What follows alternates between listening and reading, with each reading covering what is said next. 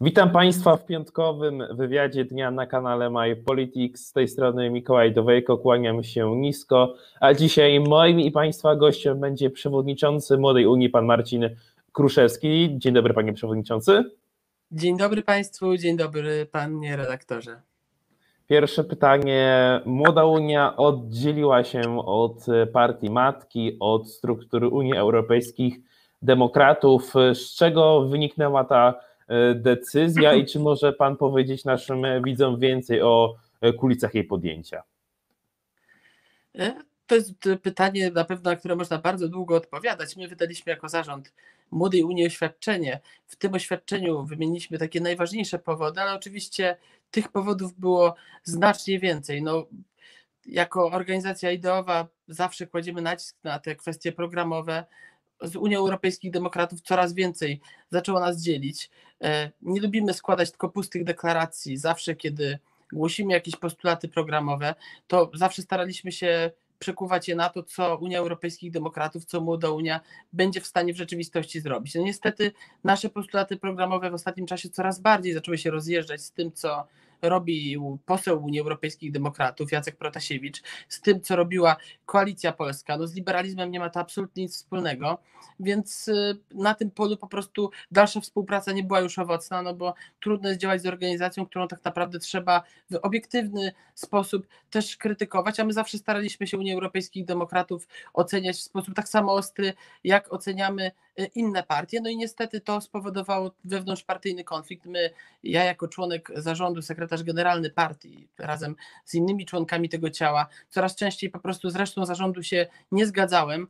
E, owocem tego była moja rezygnacja z funkcji e, właśnie w ramach zarządu, e, rezygnacja z funkcji rzecznika Unii Europejskich Demokratów, a później dalszymi etapami były zresztą popierane przez zdecydowaną większość naszej organizacji po prostu opuszczenie jej struktur, opuszczenie struktur Unii Europejskich Demokratów i budowanie dalszej części projektu. No to była decyzja, można powiedzieć, wręcz jednogłośna. Oświadczenie zarząd wydał dopiero w momencie, kiedy wszystkie osoby opuściły praktycznie e, struktury partyjne. No, jako ciekawostkę mogę powiedzieć, że spośród osób, które były formalnymi członkami po odbyciu okresu kandydackiego i po zapisaniu się do partii, tylko jedna osoba z tych wszystkich, które do Młodej Unii należą, postanowiła zostać w jej strukturach, więc młodzieżówka jako taka Unii Europejskich Demokratów przestała istnieć, ale no nie kończy to w żaden sposób epopei Młodej Unii, bo Młoda Unia nie tylko nie zwalnia, ale teraz przyspiesza działania i będzie działać jeszcze bardziej skutecznie, jeszcze bardziej niezależnie, jeszcze lepiej dla tych idei, w które wierzy. A czy nie widzi Pan tego jako pewną nielojalność względem partii matki? Czy nie, nie uważa Pan, że może być to błąd na dłuższą metę? Znaczy, ja uważam, że po pierwsze bardzo istotna jest lojalność według, względem swoich odbiorców. Odbiorcami tej grupy były osoby o profilu liberalnym, no i lojalność wobec własnych poglądów. Unia Europejskich Demokratów przedstawiała siebie zawsze jako następczynię Unii Wolności. No partię, która bezpośrednio z tej Unii Wolności się wywodzi, jest jej bezpośrednią kontynuacją prawną. W momencie, kiedy partia sprzeniewierza się swoim wartościom, sprzeniewierza się e, temu, co programowo tworzyła jeszcze kilkadziesiąt lat temu, kiedy partia tak naprawdę dla doraźnych politycznych korzyści, tworząc koalicję, będąc dużo słabszą partią w tej koalicji, jest w stanie dla pewnych korzyści z tych swoich ideałów się wyzbyć, no to uważam, że po prostu rzeczą największej uczciwości jest y, wystąpienie z takiej formacji, z którą po prostu człowiek się już nie zgadza. No trudno być w organizacji, której już działań się po prostu nie popiera, szczególnie, że Młoda Unia była bardzo dużą częścią, najbardziej aktywną częścią, największym kołem partii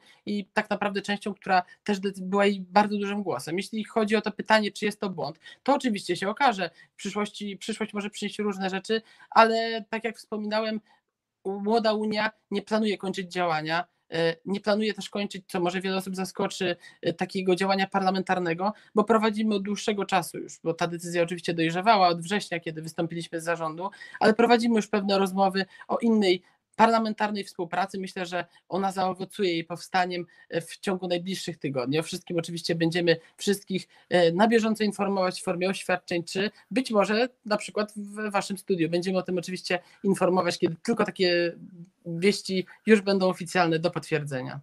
Natomiast jakby Pan podsumował ten okres współpracy z Unią Europejskich Demokratów, czy widać tam też pozytywy? Oczywiście udało nam się zbudować jedną z najsilniejszych organizacji młodzieżowych, jeśli chodzi o zarówno struktury, one działają w tej chwili w 14 województwach, jeśli chodzi o takie pełnoprawne e, struktury, które mógłbym nazwać po prostu kołami tej młodej Unii. Uważam, że e, Unia Europejskich Demokratów posiada piękną historię, historię tych zmian ustrojowych 89 roku, której absolutnie nikt jej nie zabierze, no ale niestety obecni liderzy Unii Europejskich Demokratów kierują się bardzo często prozaicznymi, myślę, że wręcz osobistymi powodami dla konkretnych działań i nie jestem osobą, która e, lubi działać wyłącznie dla realizacji drobnych, partykularnych celów. Naszym celem od początku powstania Młodej Unii było realizowanie naszych ideałów, naszych wartości i kiedy to stało się niemożliwe, kontynuujemy naszą podróż właśnie dalej. Ale Unia Europejskich Demokratów to rzeczywiście partia ciekawa, partia z bardzo ciekawą historią, w której jest wielu bardzo porządnych ludzi, ludzi, którzy wierzą w to, co robią. No, niestety to jest też partia, która się po prostu sypie, bo odejście Młodej Unii, największego koła, to nie jest jedyny problem tej partii. Po ostatnim konwencie partyjnym strukturę partii opuściło bardzo wielu przedstawicieli zarządu poprzedniego partii. Były sekretarz generalny, pan Zdzisław Litwinczuk, opuścił partię cały region świętokrzyski. No, niestety również to była reakcja na to, co po prostu nowy zarząd robi, jak na przykład parlamentarzysta Unii Europejskich Demokratów odnosi się do członków partii. O tym nie będę oczywiście mówił, bo nie będę powtarzał rozmów i spotkań, które miały miejsce w ramach gremiów statutowych, no ale najlepszym przykładem tego, jak e, po prostu wygląda profesjonalizm e, tych osób stojących na czele partii, jest fakt, jak poseł Pratasiewicz e, odnosi się na przykład do dziennikarzy, do osób na Twitterze, które postanowią go skrytykować. Byłem jedyną osobą, która zaproponowała ukaranie go w ramach e, zarządu partii, oprócz moich kolegów z Młodej Unii, koleżanek, którzy byli w tym gremium. No niestety reszta zarządu po prostu nie miała odwagi tego zrobić, więc w tej sytuacji no nie można mówić o tym, że tu Młoda Unia odchodzi od partii. Od partii odeszło bardzo wielu działaczy, ona się w bardzo dużym stopniu skurczyła i Młoda Unia jest tylko jednym z elementów tego rozpadu. My oczywiście Czyli... będziemy współpracować z tymi osobami, które opuściły struktury Unii Europejskich Demokratów, y, dlatego można powiedzieć, że Młoda Unia nabrała na sile po odejściu z UED, bo też skupiła się, skonsolidowała z tymi osobami, które nie były Ale czy czy mógłby Pan powiedzieć, że największym problemem Unii Europejskich Demokratów teraz jest postać posła e, Protasiewicza? Czy to jest e, te, powiedzmy, miejsce, gdzie wszystkie te konflikty się zaostrzają?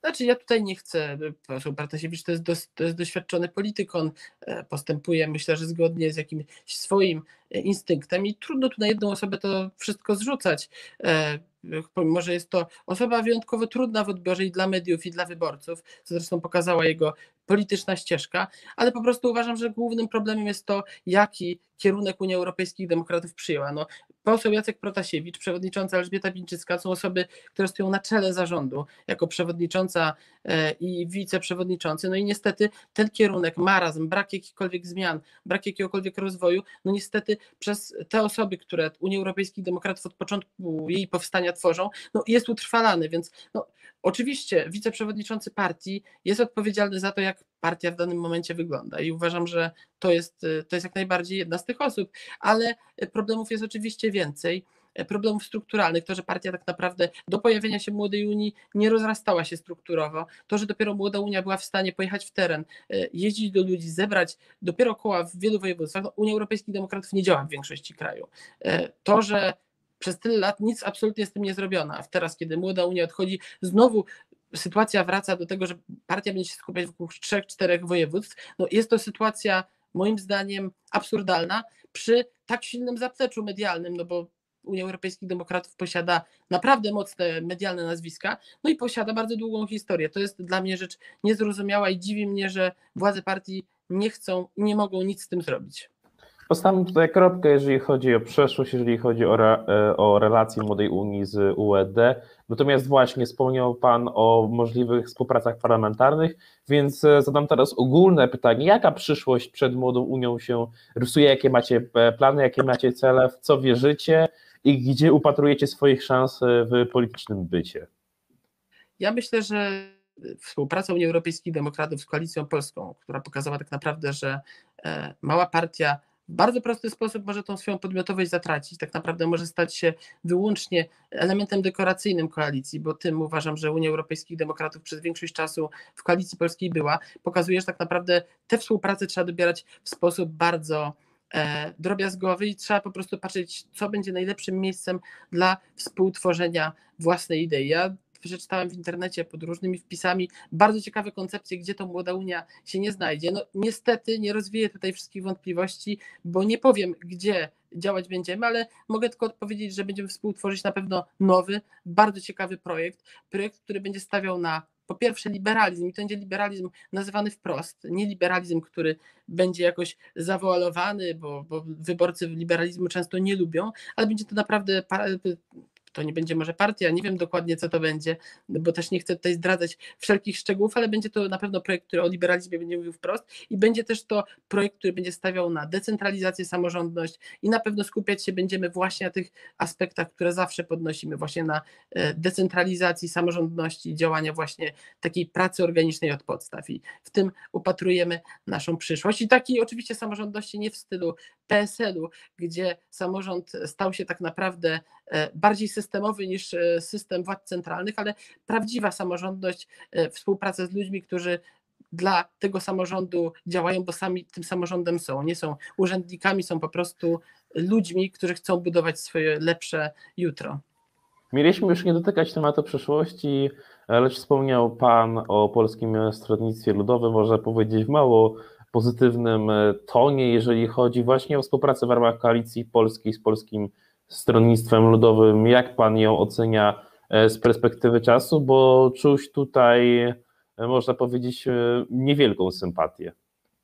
No to oczywiście ja nie lubię generalizować. Są osoby, które bardzo ideowe, bardzo zaangażowane w ramach Polskiego Stronnictwa Ludowego, no ale niestety partie trochę bar, partię łatwiej jest odebrać w taki sposób, jak prezentują ją jej liderzy. A liderzy PSL-u wiemy, w czym w Polsce się skojarzą. No nie, nie są oni liderami zaufania, jeśli chodzi o, e, nie mówię tutaj o sondaże, gdzie Władysław Kośniak-Kamysz faktycznie miał bardzo dobrą prasę przez pewien czas, ale e, PSL e, niestety ma bardzo złe skojarzenia w polskim społeczeństwie, kojarzy się jednak z tym samorządem, którego my byśmy jako liberałowie nie chcieli. No, ostatnie wypowiedzi na przykład pana Sawickiego na temat możliwej koalicji z PiS powodują, że znowu powracają żarty, że w następnych wyborach będzie rządził koalicjant PSL-u, no i te domysły, czy faktycznie PiSowi zabrakłoby głosów, to czy znowu znowu z PSL-u by ich nie wziął, no bo też należy pamiętać, że przy całym sympatii, przy całym szacunku do części działaczy PSL-u, no ale to PSL wprowadził choćby kosztem E, działaczy Unii Europejskich Demokratów, na przykład przewodniczącej UED Elżbiety Bińczyckiej, która została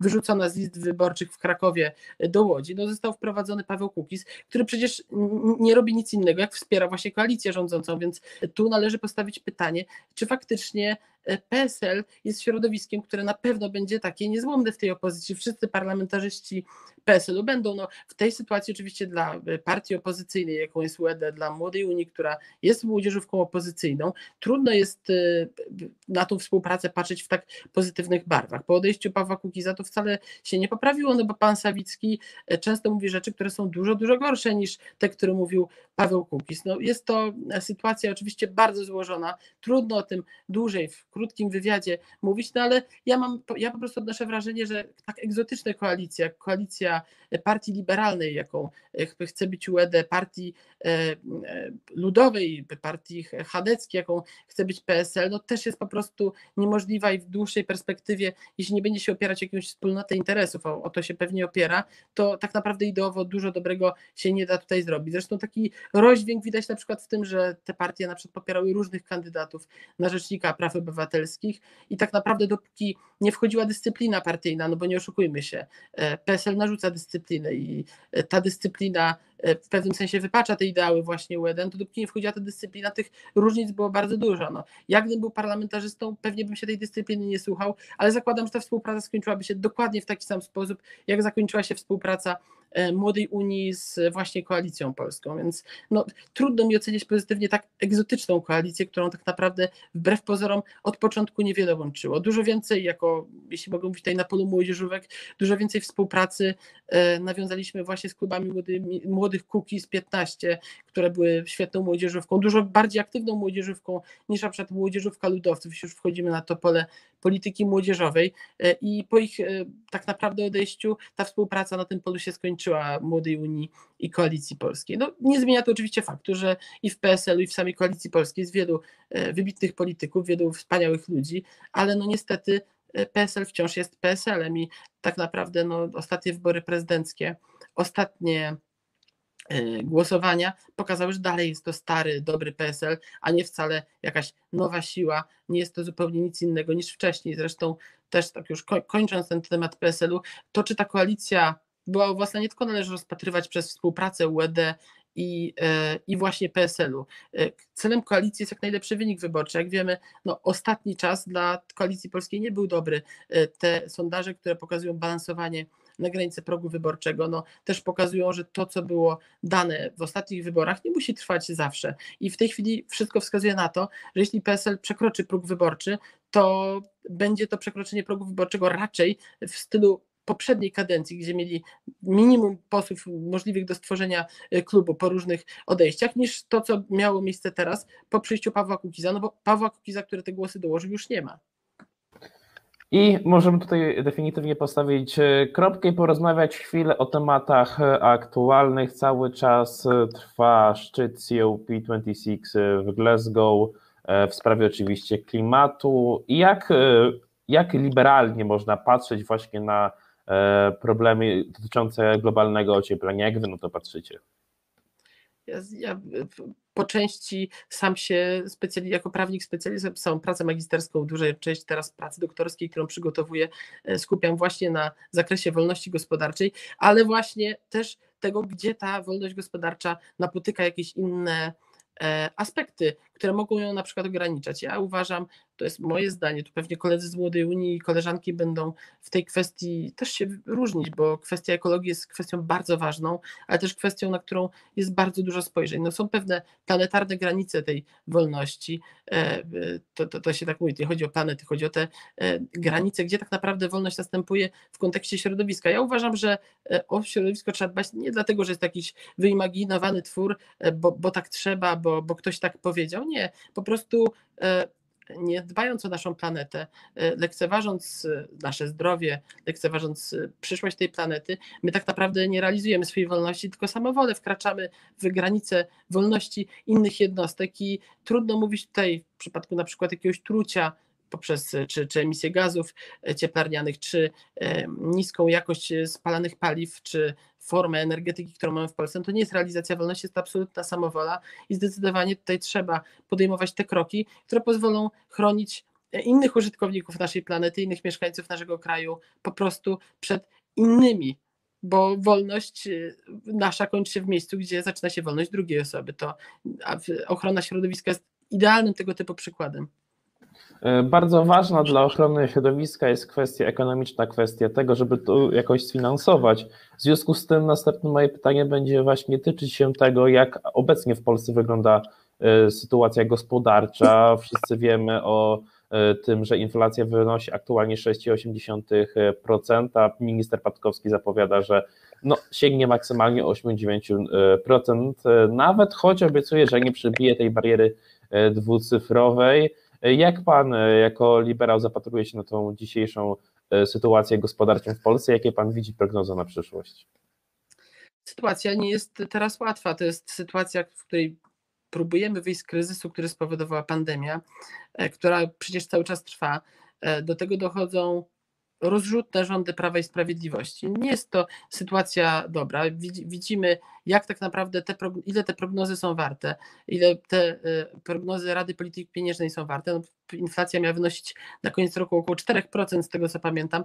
Ile jest teraz, sami widzimy i nie wydaje się, żeby ona miała hamować. No, pan, pan Sasin mówił, że e, nie będzie 10%, to to chyba musimy się szykować na dwucyfrową liczbę na koniec roku. A mówiąc już całkiem serio, to wydaje mi się, że jeśli nie zmieni się pewien trend polskiej polityki, pewien trend takiej łańskiej fantazji w realizacji pomysłów partii rządzącej, jeśli dalej będziemy spłacać bardzo drogą kampanię wyborczą, czy to lewicy, czy PiSu, no bo, bo te partie bardzo często gospodarczo razem głosują, no to wydaje mi się, że ta sytuacja absolutnie nie ma możliwości się polepszyć. Pamiętajmy, że źle to dopiero będzie. Nowy ład, na którym straci większość klasy średniej, e, przedsiębiorców, e, nowy podatek zdrowotny, bo tak trzeba tą składkę nazwać, to będą elementy, które znowu spowolnią naszą gospodarkę, zmniejszą innowacyjność, ograniczą inwestycje i będzie po prostu tylko gorzej. Rząd pewnie będzie ratował się dodrukowując pieniądze, ale e, tak naprawdę to jest działanie na krótką metę. Też nie wiadomo, jak e, nastąpi e, współpraca z Unią Europejską, czy faktycznie PiS dostanie te swoje fundusze, które były przecież konieczne do zrealizacji kolejnych postulatów programowych. Jeśli nie, no to możemy naprawdę oczekiwać bardzo dużego kryzysu, kolejnych podwyżek podatków, które tak naprawdę nie załatają tej dziury, która jest coraz, coraz większa po prostu. Nic w przyszłości nie wygląda tak pozytywnie na, y, przy problemach z inflacją może dojść do sytuacji, gdzie faktycznie rosnące bezrobocie przy wzroście jeszcze bardziej y, płacy minimalnej doprowadzi do, większe, do, do po prostu zwiększenia się i może być po prostu naprawdę bardzo nieciekawa sytuacja dla polskiej gospodarki na początku przyszłego roku. No bardzo dużo zależy od praktyki, jaka zostanie wprowadzona w tym nowym ładzie, jak to będzie wyglądało, ale na przykład patrząc jeszcze na, wracając do tego tematu energetyki, y, choćby zmiany dotyczące fotowoltaiki zniechęcą Polaków do e, inwestowania właśnie w te alternatywne źródła energii, e, w panele fotowoltaiczne, bo te zmiany będą niekorzystne od przyszłego roku już nie będzie to tak proste w, w zwrocie tej inwestycji, jak było do tej pory. Elektrownie po prostu będą prawdopodobnie jeszcze więcej na tym zarabiać, a konsumenci nie będą w stanie tego prądu tak skutecznie sprzedawać. Natomiast jeszcze względem Krajowego Planu Odbudowy pojawiają się głosy o rzekomym polexicie.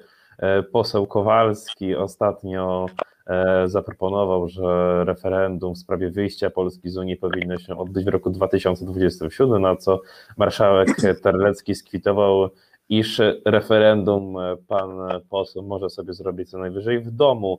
W związku z tym, e, czy myśli pan, że jest jakiekolwiek realne zagrożenie e, polexitem w Polsce, czy jest to tylko pewnego rodzaju histeria, czy niedoinformowanie? Znaczy tak, ja, ja powiem szczerze, pewnie większość opozycji za to mnie skrytykuje, bo psuje cały misterny plan, ale ja uważam, że PiSowi absolutnie się nie opłaca z Unii Europejskiej wychodzić.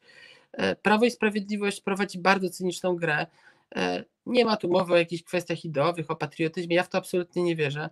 E, nikt nie będzie ginął tracąc miliardy euro, bo PiS jest wielkim beneficjentem tego, że te pieniądze płyną, ale oczywiście e, ta retoryka z jednej strony opozycyjna o tym, że straszy się wyjściem z Unii Europejskiej i faktycznie słusznie straszy się tym, że stajemy się teraz dalsi standardom Unii Europejskiej, standardom zachodniej Europy, to jest oczywiście prawda, a z drugiej strony straszenie tym, że Unia wchodzi faktycznie ze swoimi butami e, na polskie podwórko i będzie narzucać wszystko. Do to jest świetna kampania, która na przykład do eurosceptycznej części e, tradycyjnego elektoratu PiS będzie trafiać. No oczywiście opozycja będzie mieć paliwo i straszyć swój elektorat tym wyjściem z Unii. Ja absolutnie w polexit nie wierzę. To, że pan Janusz Kowalski chciałby polexitu, no wydaje mi się, że Solidarna Polska może by tego chciała, ale na szczęście jeszcze e, przystawki e, Prawa i Sprawiedliwości nie zdominowały. No i moim zdaniem jednak wygra taka twarda, chociaż bardzo często szkodliwa dla obywateli polityka, ale absolutnie wyjście z Unii Europejskich Demokratów, y, z Unii, nie wierzę, bo z Unii Europejskich Demokratów też młoda Unia wyszła. I y, na koniec y, klasycznie myślę, że można byłoby poruszać jeszcze wiele tematów, natomiast jest multum pytań od widzów, w związku z tym postaramy się je zadać, natomiast prosiłbym w związku z tym, że są to pytania od widzów o konkretną odpowiedź. E, czy jest Pan za uznaniem śląsko-gotka jako języka regionalnego? Tak, Młoda Unia zresztą przeprowadzała e, akcję, to pozdrawiam kolegów regionalistów śląskich. My popieraliśmy, żeby pojawiły się tablice na śląskich urzędach właśnie w języku śląskim.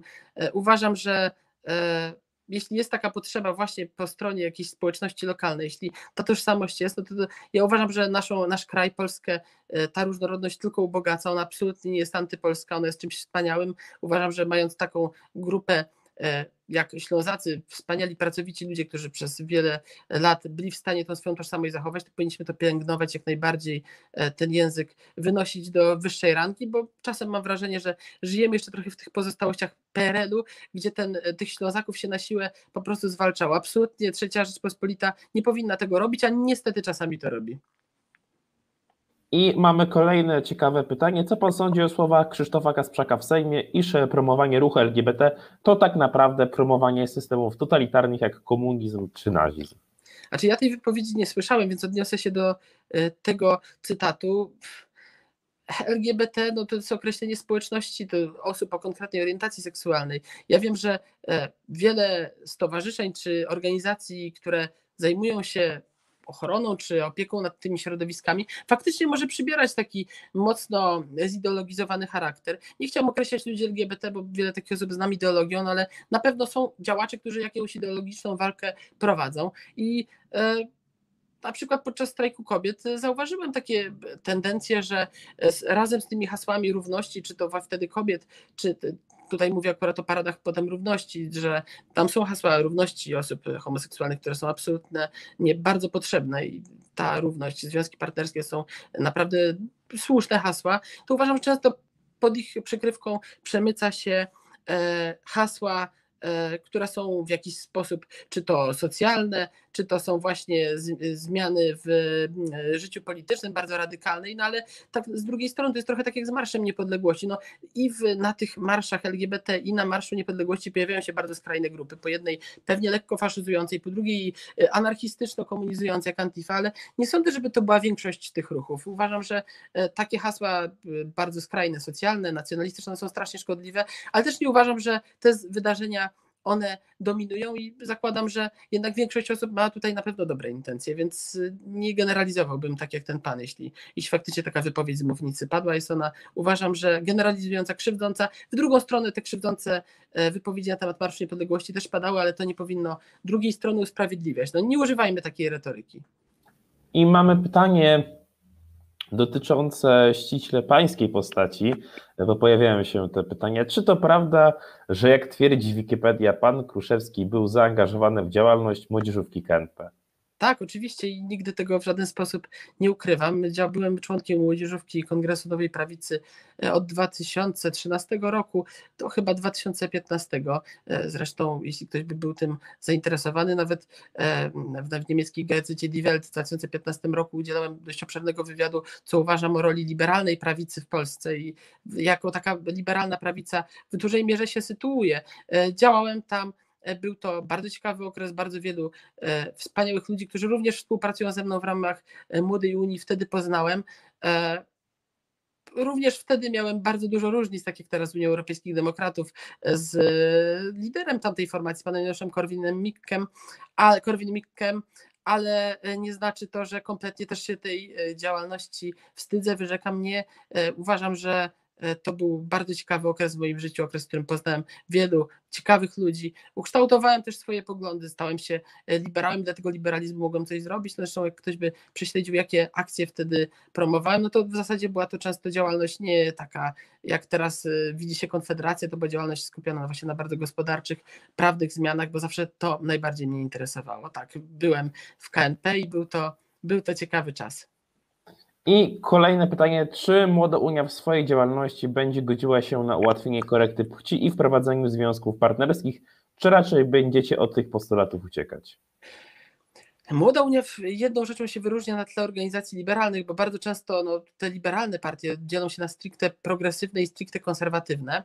E, a Młoda Unia stara się nie być zaszufladkowana ani do jednej, ani do drugiej grupy. My już na początku naszej działalności, to pewnie nas też różni z Unii Europejskich Demokratów, postanowiliśmy stworzyć takie miejsce, gdzie zarówno konserwatyści, konserwatywni liberałowie, jak i progresywiści, progresywni liberałowie będą w stanie ze sobą współdziałać i skupiać się wokół tych głównych gospodarczych, prawnych, e, czy po prostu dotyczących praw człowieka postulatów. Ja osobiście mogę powiedzieć, że większość z nas popiera e, związki partnerskie, one są pewną uporządkowaniem życia publicznego, uporządkowaniem tak naprawdę tego, co już w sferze pozaprawnej funkcjonuje. E, jest po prostu ułatwieniem życia obywatelom. My to w większości popieramy. Są oczywiście osoby, które są bardziej konserwatywne, ale nie spotkałem się z jakimś wielką niechęcią do tego postulatu. Jeśli chodzi o korektę płci, to dla mnie jako dla prawnika w ogóle sama forma jej przeprowadzenia jest dość uwłaczająca dla osób, które chcą jej dokonać. Często są to przypadki medyczne, gdzie faktycznie uzasadnienie dla tej korekty jest. Nie są to takie przykłady e, książkowe dla przeciwników e, jakichś korekt. I uważam, że no, fakt, gdzie trzeba dokonywać tego przez fikcyjne powództwo, no, przywodzące trochę na myśl różne instytucje bardzo karkołomne prawa rzymskiego, to uważam, że jest to po prostu dla tych osób bardzo stresujące, bardzo utrudniające życie i karkołomne, a skoro państwo chce umożliwiać korektę płci, no, chce tą płeć dostosować do stanu faktycznego, osoba rodzi się przez różnymi cechami płciowymi, dostosowuje się do tego, do tej cechy, którą faktycznie ma, a lekarz stwierdza, że jest to prawda i jest y, zielone światło ze strony lekarzy, no to uważam, że to powinno być w dużo prostszej formie. No, Młoda Unia postuluje ułatwienia prawne w większości dziedzin życia i nie uważam, że w tym przypadku, niezależnie od konserwatywnej czy liberalnej postawy, ktoś powinien życzyć drugiemu człowiekowi, aby jego życie, postępowanie sądowe było trudniejsze. I na koniec, w związku z tym, że Młoda Unia do niedawna była młodzieżówką Unii Europejskiej Demokratów, krótkie pytanie, czy jest Pan za federalizacją Unii Europejskiej, czy może ma Pan pewne obiekcje względem tego? Chyba na, w czas poprzedniego wywiadu odpowiadałem na to pytanie, e, zresztą panu redaktorowi, ale powiem jeszcze raz, e, to jest y, hasło moim zdaniem utopijne to jest troszeczkę tak, nie chcę absolutnie porównywać, bo zaraz tu się zrobią e, takie wycinki, e, że, że Kruszewski porównuje to jakoś do systemu, ale to jest trochę tak jak z komunizmem, no, są takie hasła, ale one są absolutnie niemożliwe, tak jak skrajny socjalizm do wprowadzenia, bo to się zawsze kończy po prostu tragedią i wypaczeniem tej idei. Oczywiście wspólna Europa nie jest hasłem negatywnym, ja jestem za jak największą integracją europejską w sensie e, integracją prawną, integracją gospodarczą, najlepiej też podnoszeniem tej własnej wspólnej kultury do jakiejś ważnej rangi, ale y, po prostu wprowadzenie w tej chwili Federacji Europejskiej jest hasłem absolutnie niemożliwym, hasłem utopijnym i hasłem, które tak naprawdę napotka przed sobą tak dużo problemów, że trudno o nim mówić y, na serio. Ja jestem za decentralizacją Unii Europejskiej przy jednoczesnym zwiększeniu tej integracji. Ta decentralizacja oczywiście oznacza, że y, to regiony również państwa, a szczególnie samorządy będą miały jeszcze więcej do powiedzenia niż teraz. Ta władza będzie bardziej w Unii Europejskiej demokratyczna. W tej chwili nie jest to pełni transparentny proces, on powinien być w pełni transparentny i dopiero wtedy, kiedy się faktycznie wprowadzi większą decentralizację, większą liberalizację, większą demokratyzację, można mówić o większej integracji, ale moim zdaniem federacja w tej chwili nie jest i bardzo długo, jeśli w ogóle kiedykolwiek nie będzie możliwa. W tej chwili nie poparłbym takiego hasła, bo sami wiemy, jak bardzo skrajne grupy interesów rządzą Unią Europejską i tak naprawdę też nie wiemy, w jaką ona stronę pójdzie. Wielu teraz entuzjastów integracji niech sobie też zada pytanie, co będzie na przykład, kiedy takie siły jak Marine Le Pen będą w Unii Europejskiej dominujące. Czy wtedy ta integracja na przykład i oddanie się na arbitralnej władzy Unii byłoby dobre? Wydaje mi się, że byłoby to bardzo szkodliwe. Ja na przykład patrzę z dużym zaniepokojeniem na to, że to SPD w tej chwili będzie rządzić w Niemczech. Uważam, że to będzie kurs Unii Europejskiej, który będzie tak jak wcześniej PiS straszył tym, że Unia jest antypolska, niestety teraz Unia może stać się dużo bardziej antypolska niż byśmy się tego spodziewali, bo po prostu SPD będzie prowadzić dużo in, zupełnie inną politykę niż Angela Merkel, która jednak wobec Polaków miała bardzo dużo sympatii i była w, w pewnym sensie zjednoczona wobec wspólnych interesów. Partia jednak, która ten, e, prowadziła politykę też pojednania bardzo dużego z Rosją, nie była SPD wcześniej, nie była twarda wobec Rosji, mam wrażenie, że będzie dużo gorszym partnerem i faktycznie ta Unia Europejska będzie miejscem, gdzie będzie więcej sporów, więcej tarć, niezależnie kto będzie rządził w naszym kraju. I teraz, e, szanowni widzowie, pierwsze w historii My Politics możliwe, chyba pierwsze w historii fact-checking. Zapraszam do poprzedniego wywiadu, żeby porównać sobie obie odpowiedzi na to same pytanie. Natomiast oczywiście już tak trochę E, żartobliwie. Bardzo dziękuję naszym widzom za obecność i dziękuję mojemu e, dzisiejszemu gościowi, który, którym był pan Marcin Kruszewski, przewodniczący Młodej Unii. Dziękuję bardzo Państwu, dziękuję Panu. Zapraszam e, wszystkich w ten weekend na kanał My Politics. Szykują się kolejne ciekawe rzeczy. A za dzisiaj jeszcze raz bardzo serdecznie dziękuję. Życzę miłego wieczoru i do zobaczenia już niedługo.